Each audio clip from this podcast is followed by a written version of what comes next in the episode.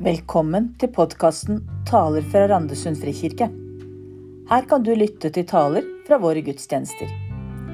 I denne episoden hører du pastor Unni Vestlis tale fra 16. april over apostlenes gjerninger. Du kan gjerne lese kapittel 10 og kapittel 15 i apostlenes gjerninger før du hører på talen.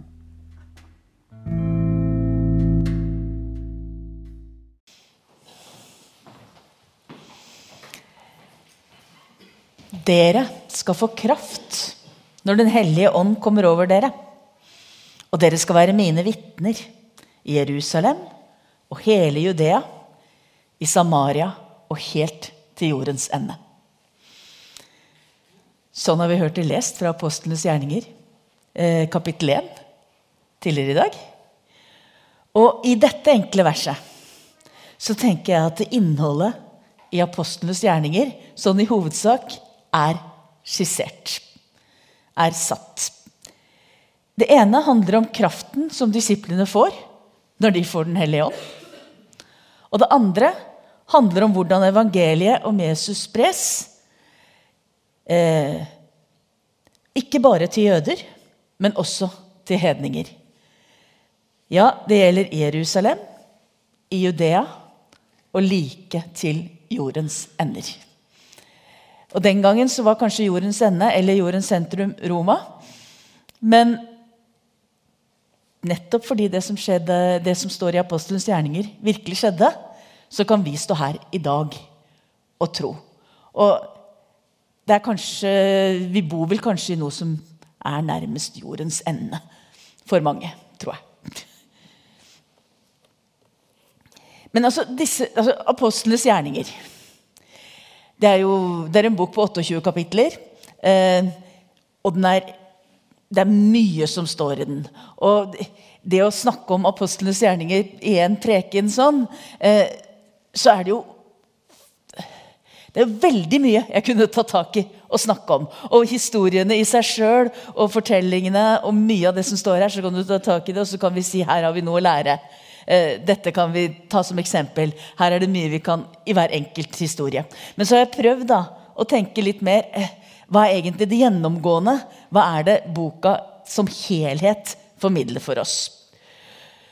Eh, og da er det altså disse to tingene som jeg har kommet til at jeg skal si en del mer om. Men la oss bare først se litt på selve apostlenes gjerninger. Den er altså skrevet av Lukas.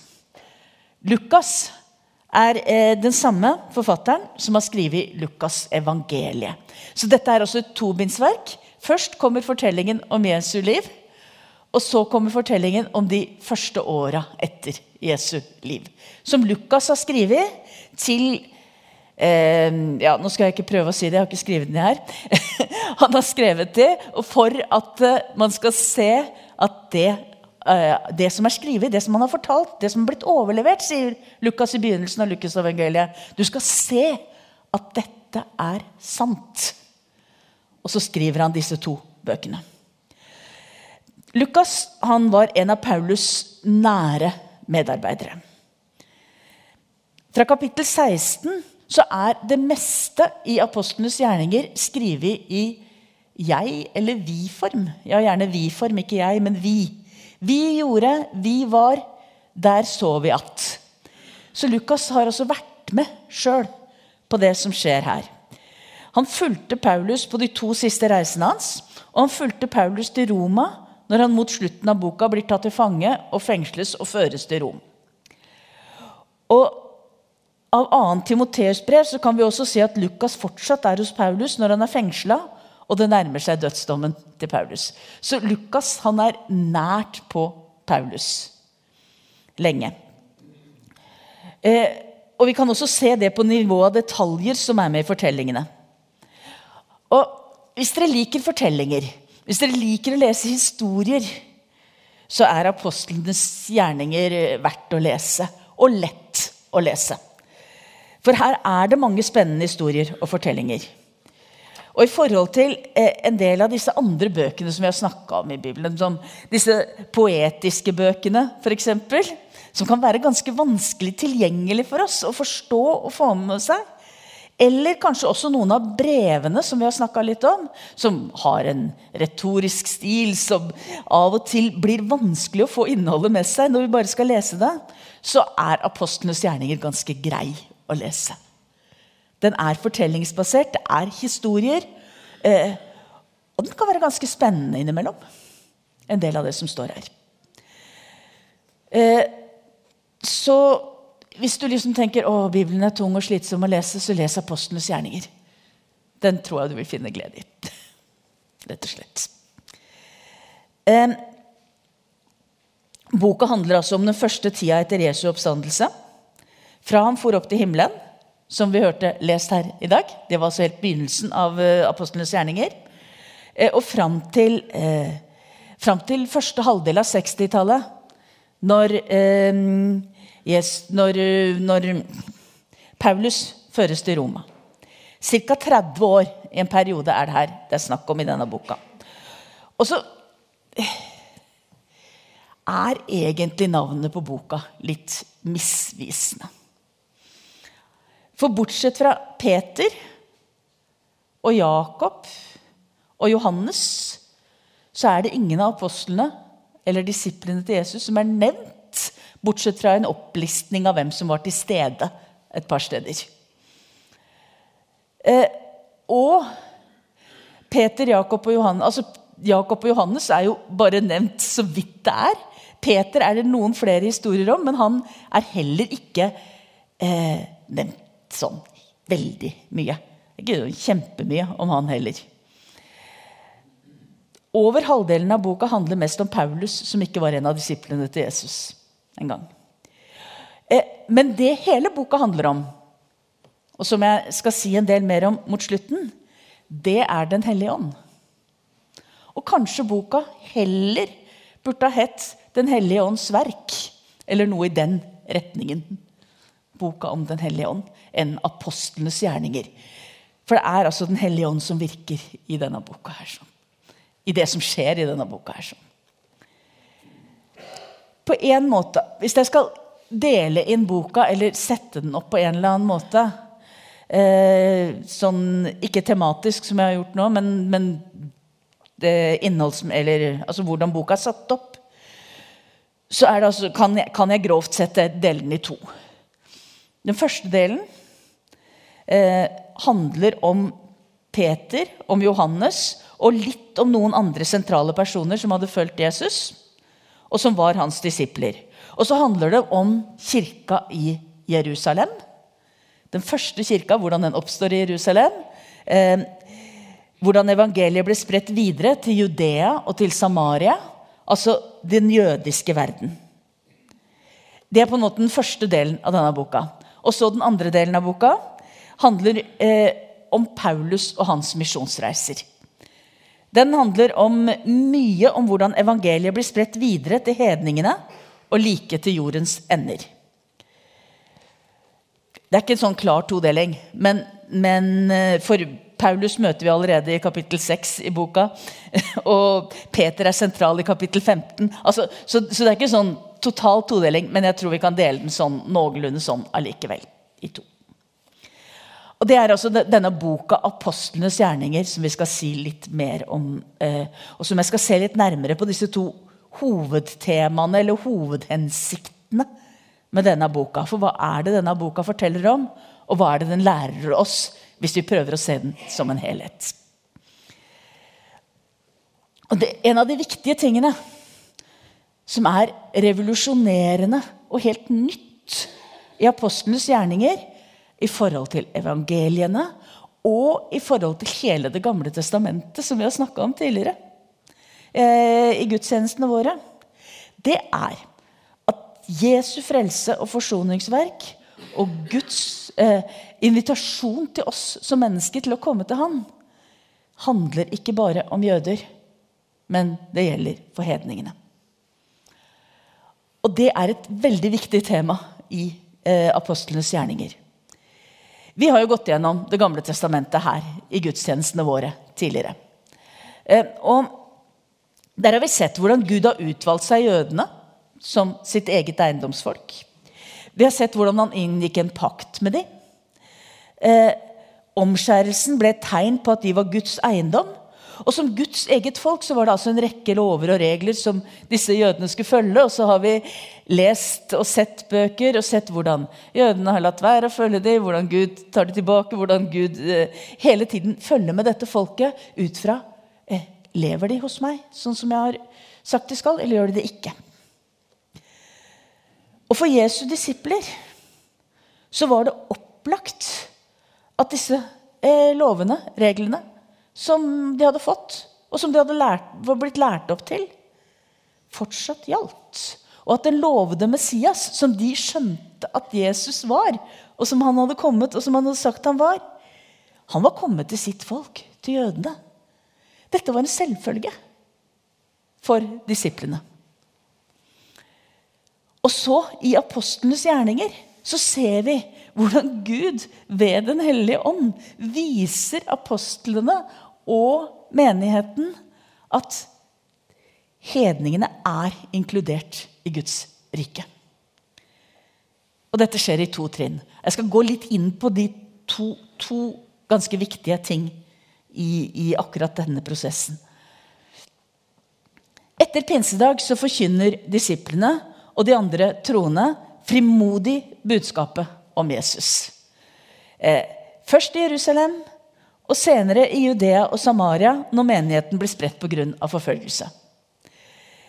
Og I de første 10-12 kapitlene så finner du masse spennende beretninger om de første kristne, om deres fellesskap. Og du viser flere taler som blir gjengitt her, som viser tydelig hvordan Jesus er den lovede Messias. Og så kommer vi altså til apostlenes gjerninger, kapittel 10.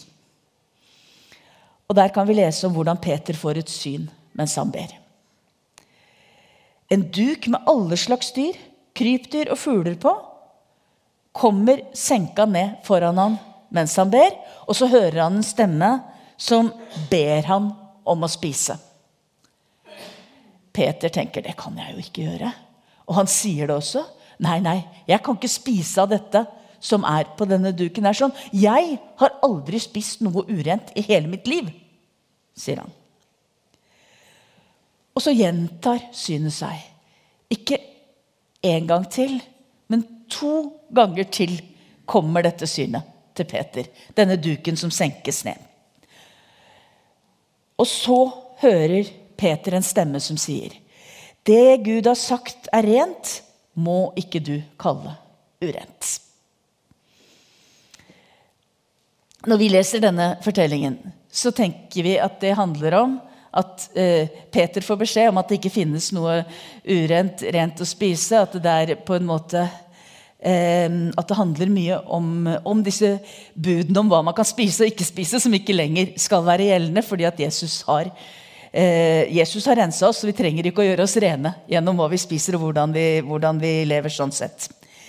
Eh, men vi må se fortsettelsen på denne fortellingen, for den handler egentlig om noe mye mer grunnleggende. Rett etter at Peter har sett dette synet, så kommer det et bud. Fra en hedning. En romer som heter Kornelius. Som Det står om han. Han er en som, eh, som eh, har et godt forhold til jødene, og som søker jødenes gud. Og når han ber, så har Kornelius fått et syn, eller han har fått et englebesøk, som sier du skal få, og så skal du få tak i han som heter Peter, og be han komme til deg. Og Peter får da dette budet fra Kornelius. Eh, du må komme hjem til, eh, til, til meg. Og med Den hellige ånds anvisning, står det veldig tydelig, og med dette synet av det Gud har sagt at det er rent, må ikke du kalle urent, med seg, så går Peter til Kornelius. Og som en direkte følge av dette synet, så går han altså inn i Kornelius sitt hus. Og det er også noe av det som gjør en jøde urein. Han skal ikke ha omgang med eh, hedninger. Skal ikke gå inn i en hedningshus.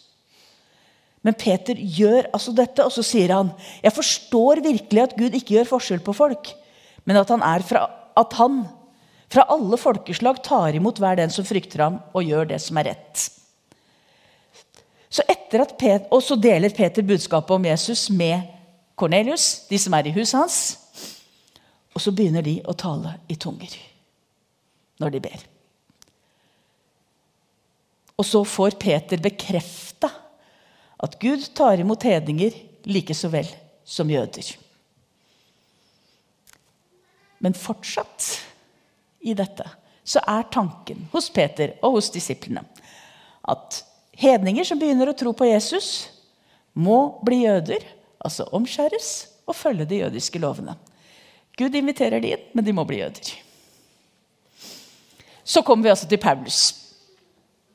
Eh, og begynner, og Paulus, altså skal, Her kunne dere ha lest masse om Paulus, eh, hvordan Paulus møter Jesus. og eh, ma Mange ting som vi kan snakke om her. Men vi hopper over alt det i dag. Og så går vi inn der Paulus begynner misjonsreisene sine. Paulus blir altså sendt ut til områder utenfor Judea og Samaria. Til hele det store Romerriket reiser Paulus. Eh, mange byer, mange steder i Middelhavsområdet. Og han forkynner budskapet for jøder først, men han forkynner også for hedninger. Eh, og det er Det er så mange fortellinger på disse misjonsreisene. Om eh, taler, om hendelser, om møter med enkeltmennesker og byer. Eh, I byer og på steder som Paulus besøker. Og så ser vi når vi leser det, åssen Paulus forkynner budskapet om Jesus som den lovede Messias inn i jødiske kontekster. Skal vi se om jeg greier å få det riktig her. Eh, han forkynner alltid for jøder først. Og han snakker om han tar fram Skriftene, og han viser ut fra Skriftene at Jesus var den lovede Messias. Men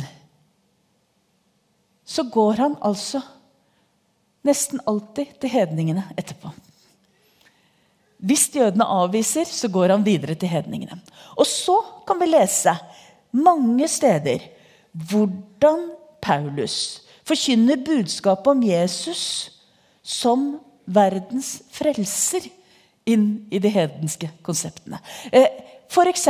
i Apostlenes gjerninger 17, hvor han er i Aten og har sin kjente tale på eh, plassen der.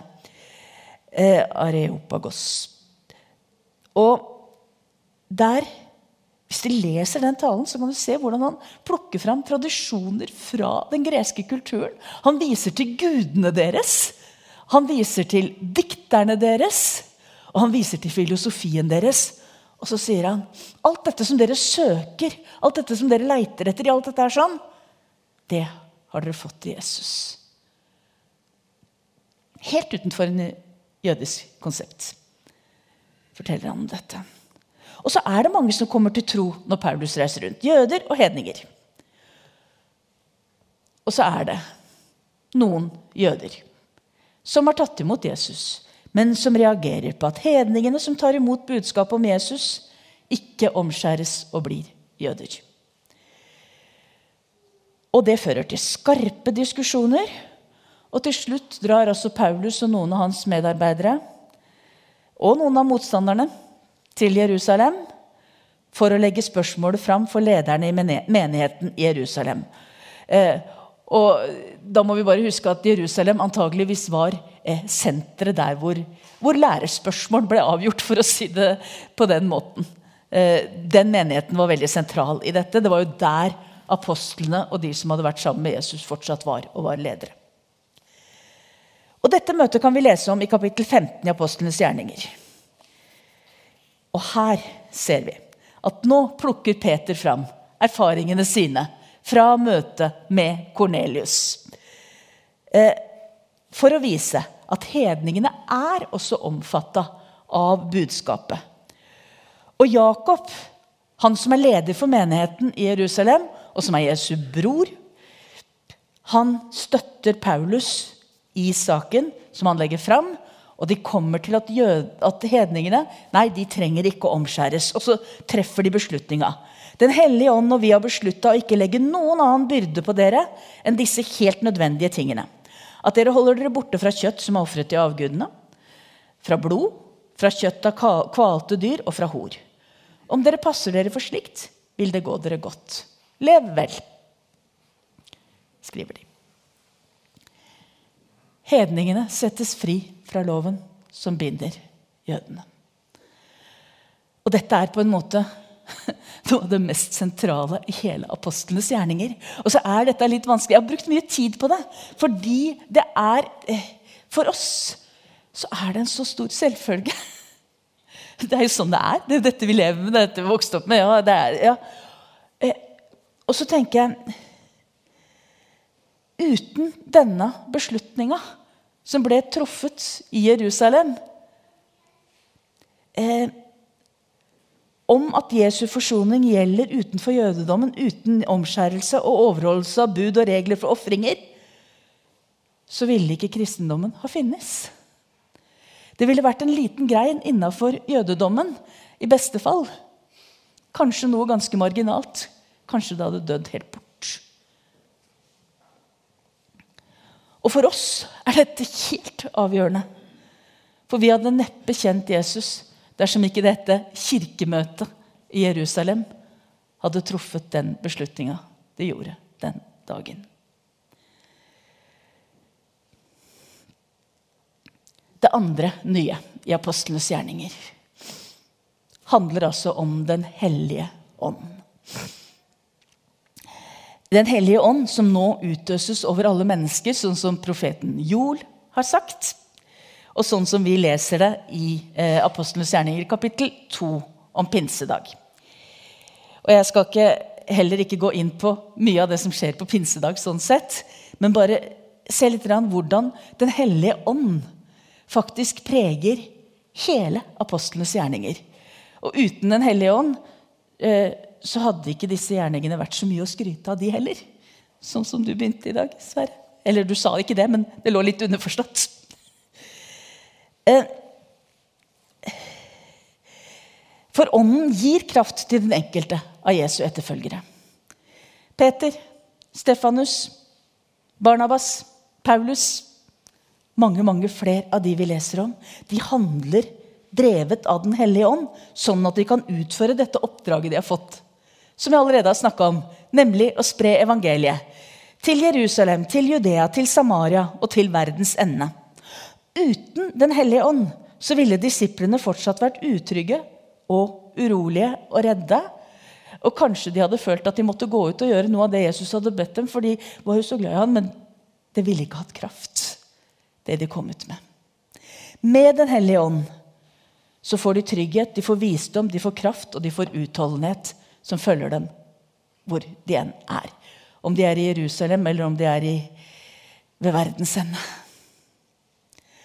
Og Gjennom hele apostlenes gjerninger så ser vi hvordan det er Den hellige ånd som virker i de menneskene som, som det blir fortalt om. Menigheten vokser, apostlene gjør under. Og hvis vi skal ha en oppsummering av det som skjer i Jerusalem den aller første tida, så er det som står i apostelgjerningene 5, 12-16, ganske beskrivende. Der står det på denne måten. Ved apostlenes hender ble mange tegn og under gjort i folket. Alle holdt trofast sammen i Salomos søylehall. Ingen andre våget å slå seg sammen med dem, men folket satte dem høyt. Stadig flere trodde på Herren og ble lagt til dem, både menn og kvinner, i stort antall. De bar også syke ut på gatene og la dem på senger og bårer, for at i det minste skyggen av Peter kunne falle på noen av dem når han gikk forbi. Det kom også mye folk fra byene rundt Jerusalem. De bar med seg syke og folk som var plaget av urene ånder, og alle ble helbredet. Det er ganske mye som skjer i kraft av Den hellige ånd her. Altså, mange tegn og under. Mange som blir helbreda, mange som blir friske. Eh, de holdt trofast sammen. Dette handler også om Den hellige ånd. Eh, og stadig flere mennesker begynner å tro. Og så ser vi at disiplene har en frimodighet selv i møte med forfølgelse. Eh, og det kommer også med Den hellige ånds kraft i dem. For de lot seg ikke stanse, står det litt seinere i Apostelens gjerninger 5. Etter at de har blitt piska og fengsla og eh, tatt fram for rådet, så fortsetter de likevel. De lar seg ikke stanse. Selv ikke når noen dem blir drept for vitnesbyrdet om Jesus sin skyld. Og Gjennom hele boka ser vi hvordan det er Den hellige ånd som stadig driver mennesker videre ut med evangeliet. Helt til det store Romerriket, ut i, hele, ut i hele den kjente verden på denne tida. Paulus sendes ut i misjonstjeneste etter at Den hellige ånd har talt til lederne i menigheten i Antiokia. Og de veiene han og medhjelperne hans reiser, er styrt av åndens ledelse, som vi f.eks. kan lese i Apostlenes gjerninger 16. Den hellige ånd hindret dem i å forkynne ordet i Asia. Derfor fortsatte de gjennom det frygiske og galatiske området. Da de var kommet nesten til Mysia, prøvde de å dra videre til Bytynia, men Jesu ånd ga dem ikke lov. Altså, det er ikke noe sånn eh, Nå planlegger vi, og så reiser vi dit. Ånden leder hvor de går hen. Setter stengsler, åpner dører for dem. Helt fram til Paulus drar til Jerusalem, hvor han blir fengsla og etter hvert ført til Rom, er det Den hellige ånd som viser ham hvor han skal dra for å forkynne evangeliet. Og de er fylt av Ånden, som gir dem kraft til å gjøre tegn og under, helbrede syke, drive ut ånder av besatte og tale med kraft og overbevisning til frelse for mennesker. Den hellige ånds kraft var avgjørende og nødvendig for de første kristne. Åndens kraft er nødvendig for oss om vi vil leve med Jesus som vår Herre. Veldig ofte, eller det er blitt ganske vanlig i hvert fall, å se hen til apostlenes gjerninger. Og prøve å finne hvordan vi skal være menighet i vår tid. Vi leiter, vi prøver å finne strukturer, oppbygninger. Hva, hva var det de første kristne gjorde? Vi vil være en grunnleggende menighet, en urmenighet, sånn som dette. Hva var det de gjorde? Så kan vi være sånn som de. Jeg tror det viktigste vi kan lære av apostlenes gjerninger om hva det er å være menighet og fellesskap, og troende, handler om eh, Den hellige ånd. Det handler om åpenhet for, avhengighet av og lydighet mot Ånden. Eh, og jeg tror at hvis jeg hadde hatt et bitte lite snev av samme åpenhet for Ånden og lydighet mot Ånden ja, Jeg håper jeg har et bitte lite snev av det. Eh, men hvis jeg hadde hatt mer av det, og mer eh, visshet om at når Den hellige ånd veileder meg, og åpenhet for å lytte til Den hellige ånd, så tror jeg faktisk Sverre, at Unnis gjerninger kunne blitt ganske spennende. Eller Sverres gjerninger. Eller menighetens gjerninger. Eh, for jeg tror det er det vi trenger. Trenger åpne opp for Den hellige ånd, som skal eh, Sånn at vi kan våge å handle og leve sånn som Ånden leder oss. Og Gud vil styrke oss og gi oss frimodighet til å være hans vitner dit han sender oss. Og så ser vi jo i Jeg har jo snakket om det også. Hvordan Den hellige ånd leder. Så er ikke det alltid det vi tror er det fornuftige eller det riktige eller det kloke. Så er det noe med allikevel å kunne tørre å gå. Fordi det er Den hellige ånd som leder. Å være åpen for at eh, veiene er annerledes enn det vi hadde tenkt oss. Så la oss lære av de første kristne. La oss ta imot Den hellige ånd. La oss fylles av Han. Og la oss med fremodighet følge Åndens anvisninger i våre liv. For da tror jeg vi vil se store ting. Amen.